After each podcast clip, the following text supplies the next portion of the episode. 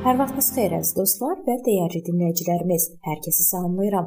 Mənim adım Sona və sizi Allahla 5 dəqiqə adlı podkastımızda xoş gördüm. Bu gün mən sizinlə belə bir sual haqqında danışmaq istəyirəm.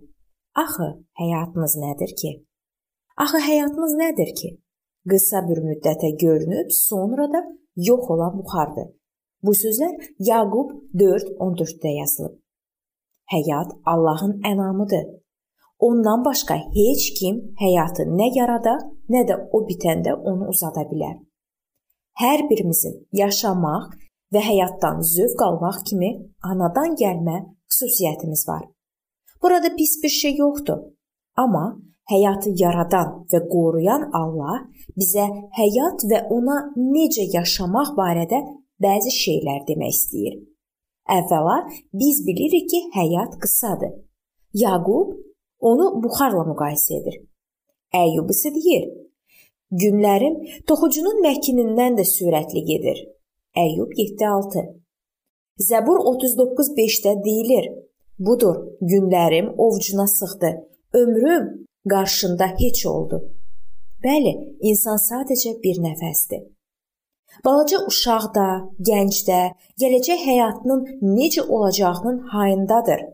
Onlara elə gəlir ki, zaman çox ləng gedir. Amma yaşımız artdıkca zamanın sürətlə axdığını hiss edirik. Biz 80, hətta 100 il yaşaya bilərik. Amma bu əbədiyyətlə müqayisədə çox azdır. Gənc olanda müxtəlif hədəflərə can atırıq. Amma yaşlandıqca bütün bunlara vaxt çatdıra bilməyəcəyimizin fərqində oluruq. Həqiqətən vacib olanı həyata keçirmək üçün yüz ölçüb bir biçməliyik. İkincisi, danılmaz faktdır ki, həyat nə vaxtsa bitəcək. Demək olar ki, bütün insanlar bunu etiraf etmək xoşlamırlar. Amma bu belədir. Allah insanların bir gün öləcəyini müəyyən edib. İbranilərə məktub 9:27. Əgər Rəbb zəmanəmizdə gəlməsə, onda biz nə vaxt öləcəyik? Əsas odur ki, bu fakta tam ciddi yanaşasan. Əgər dərk etsək ki, həyat nə vaxtsa bitəcək, bu bizə bu gün etməli olduğumuzu etməyə kömək edər. Nə vaxt öləcəyimizi bilməməyimiz isə hər an buna hazır olmaq üçün hər günümüzü mənalı yaşamağa həvəsləndirməlidir. Üçüncüsü, həyat əbədiyyətə hazırlaşmaq üçün ayrılan vaxtdır. Mən gördüm ki, böyükdən kiçiyə qədər ölülər taxtın önündə dayanıb. Kitablar açıldı və həyat kitabı olan başqası da açıldı. Ölülər kitablarda yazılanlara əsasən öz əməllərinə görə mühakimə olundu. Bu vəhy kitabı 20-ci fəsil 12-ci ayədə yazılıb.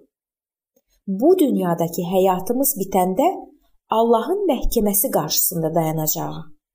Bu ayələrdə deyilir ki, bu dünyada yaşadığımız dövrdə etdiklərimizə görə mühakimə olunacağıq. Buna görə də biz əbədiyyətə bu dünyada hazırlaşırıq. Ya pak yaşayıb əbədi Allah ilə birgə olacağıq, ya da günah içində yaşayıb iblisin və onun şər mələklərinin əlinə düşəcəyik. Bu həqiqət artıq bu gün hamımızı həyatımız barədə düşünməyə vadar etməlidir. Allahın bəxş etdiyi həyatın hər gününə xüsusi yanaşıb Allahla əbədiyyətdə qalacağımız zamana hazırlaşaq. Seçim sizindir.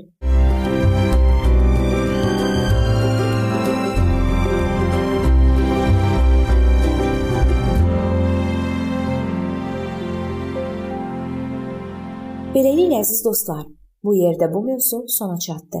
Hər zaman olduğu kimi sizi dəvət edirəm ki, bizim podkastlarımızı Facebook səhifəmizdən və YouTube kanalımızdan dinləməyə davam eləyəsiniz. Əgər hər hansı bir sualınız varsa, bizə müraciət etməkdən çəkinməyin. İndi isə mən sizinlə sağollaşıram və növbəti görüşlərdə görmək ümidi ilə sağ olun, salamat qalın.